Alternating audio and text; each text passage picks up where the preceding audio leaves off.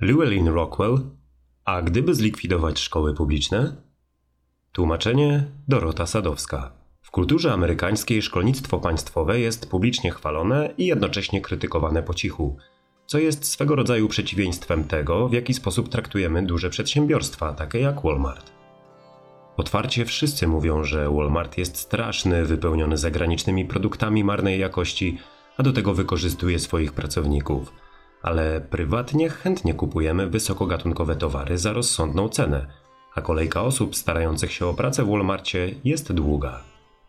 Czemu tak jest? Ma to związek z faktem, że szkolnictwo publiczne jest częścią świeckiej religii, najchętniej przytaczanym argumentem na to, jak lokalne władze nam służą. Istnieje także czynnik psychologiczny. Większość z nas powierza swoje dzieci tym szkołom, więc z pewnością mają one na uwadze nasze dobro. Ale czy na pewno?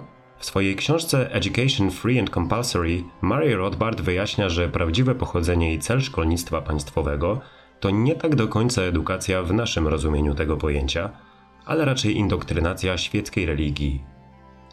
Tłumaczy to, dlaczego elity miejskie z taką podejrzliwością podchodzą do nauczania domowego i szkół prywatnych. Nie jest to spowodowane obawą przed złymi ocenami, ale raczej niepokojem, że dzieci nie będą uczyć się wartości uznawanych przez państwo za ważne. Jednak celem tego artykułu nie jest atak na szkolnictwo państwowe. Są dobre szkoły publiczne, są i tragiczne, więc nie ma sensu generalizować. Nie ma też potrzeby powtarzać do znudzenia danych o wynikach testów wśród uczniów. Zajmijmy się po prostu ekonomią. Wszystkie badania pokazują, że przeciętny koszt edukacji jednego dziecka jest dwa razy wyższy dla szkoły państwowej niż dla prywatnej.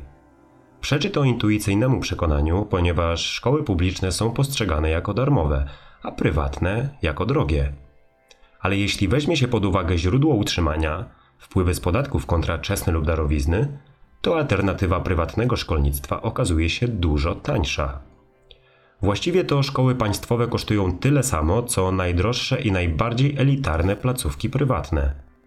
Różnica polega na tym, że w przypadku publicznej edukacji koszt jest podzielony na całe społeczeństwo, podczas gdy opłaty za szkoły prywatne są ponoszone tylko przez rodziny uczęszczających tam uczniów. W skrócie, jeśli moglibyśmy zlikwidować publiczną edukację i obowiązek szkolny, zastępując to wolnorynkowym systemem edukacji, otrzymalibyśmy lepsze, tańsze o połowę szkoły i większą wolność. Tworzylibyśmy też bardziej sprawiedliwe społeczeństwo, w którym tylko korzystający ze szkolnictwa ponosiliby koszty z tym związane. Jak to nie lubić tej idei? Cóż, istnieje problem okresu przejściowego. Są też oczywiste i poważne trudności polityczne. Można powiedzieć, że edukacja publiczna cieszy się politycznym poparciem z powodu efektów sieciowych. Znacząca liczba subskrybentów przyczynia się do utrzymania status quo, a to ciężko zmienić. Ale wyobraźmy sobie, że jakieś miasto stwierdziło, że koszty edukacji publicznej są zbyt wysokie w porównaniu do prywatnej i Rada Miejska zdecydowała o natychmiastowej likwidacji szkół publicznych. Pierwszą rzeczą, jaką możemy zauważyć, to nielegalność takich działań, ponieważ każde państwo wymaga od władz lokalnych zapewnienia edukacji publicznej. Nie mam pojęcia, co mogłoby się stać z taką radą miasta. Zostaliby uwięzieni? Kto wie. Na pewno zostałyby wyciągnięte konsekwencje prawne. Przejmijmy, że w jakiś sposób uda się obejść ten problem dzięki, powiedzmy, specjalnej poprawce do państwowej konstytucji, która zwalnia określone władze lokalne z tego obowiązku, jeśli Rada Miejska uchwali taką decyzję. Następnie istnieje problem ustawodawstwa federalnego i przepisów. Jest to tylko gdybanie, jako że nie znam właściwych uregulowań, ale możemy zgadywać, że Departament Edukacji nie zgodziłby się na to i pociągnęłoby to za sobą jakąś narodową histerię. Ale powiedzmy, że jakimś cudem poradziliśmy sobie także z tym problemem i władze federalne pozwalają lokalnym na swobodne działanie. Przejście od edukacji publicznej do prywatnej obejmowałoby dwa etapy. W pierwszym działoby się dużo pozornie złych rzeczy. Chociażby co zrobić z budynkami? Zostałyby sprzedane osobie oferującej najwyższą sumę. Nieważne, czy byliby to nowi właściciele szkół, biznesmeni czy deweloperzy. A nauczyciele i administracja? Wszyscy zostaliby zwolnieni. Możecie sobie wyobrazić, jakie oburzenie by to spowodowało? Zniesienie podatku od nieruchomości spowodowałoby, że rodzice dzieci uczęszczających do publicznych placówek będą mogli przenieść się gdzie indziej. Nie będzie wyższej ceny za domy położone w pobliżu szkół z dobrą opinią. Wywoła to u niektórych złość, ponieważ rodzice, którzy zostaną, będą musieli poradzić sobie z poważnym problemem co zrobić ze swoimi dziećmi podczas dnia. Likwidacja tych podatków umożliwi wprawdzie przeznaczenie dodatkowych pieniędzy na opłaty za szkoły, ale jednocześnie spadnie wartość posiadanych aktywów, co stanowi poważny problem, kiedy przychodzi do płacenia czesnego. Wywoła to oczywiście powszechną histerię na temat sytuacji biedniejszych grup społecznych, którym pozostanie tylko nauczanie w domu. Wszystko to brzmi nieco katastroficznie, prawda? Prawda. Ale to tylko pierwsza faza. Jeśli w jakiś sposób dotrwamy do fazy drugiej, z tej sytuacji wyniknie coś całkowicie innego. Istniejące szkoły prywatne będą pękać w szwach i pojawi się nagląca potrzeba nowych ośrodków. Przedsiębiorcy szybko przejdą do tego sektora, żeby zaspokoić popyt na konkurencyjnych zasadach. Kościoły i inne instytucje obywatelskie będą organizować zbiórki pieniędzy, żeby zapewniać edukację.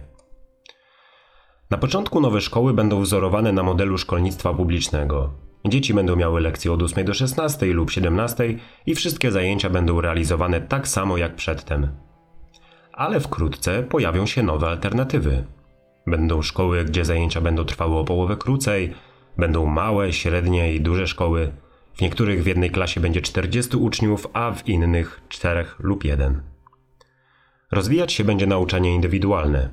Pojawią się różnego rodzaju szkoły wyznaniowe, otwierane będą mikroszkoły mające zaspokoić niszowe zainteresowania, nauki ścisłe lub klasyczne, muzykę, teatr, komputery, rolnictwo itd. Będą szkoły żeńskie i męskie. To rynek zadecyduje, czy sport będzie zaliczany do programów szkolnych, czy raczej będzie stanowić zupełnie niezależną dziedzinę. Podział na szkołę podstawową, gimnazjum i średnią nie będzie już jedynym modelem. Klasy niekoniecznie będą tworzone tylko na podstawie wieku. Niektóre będą kompletowane ze względu na umiejętności i poziom rozwoju. Koszty opłat będą wahać się od zupełnego ich braku do bardzo wysokiego czesnego. Kluczowy jest fakt, że wszystko będzie zależeć od konsumentów.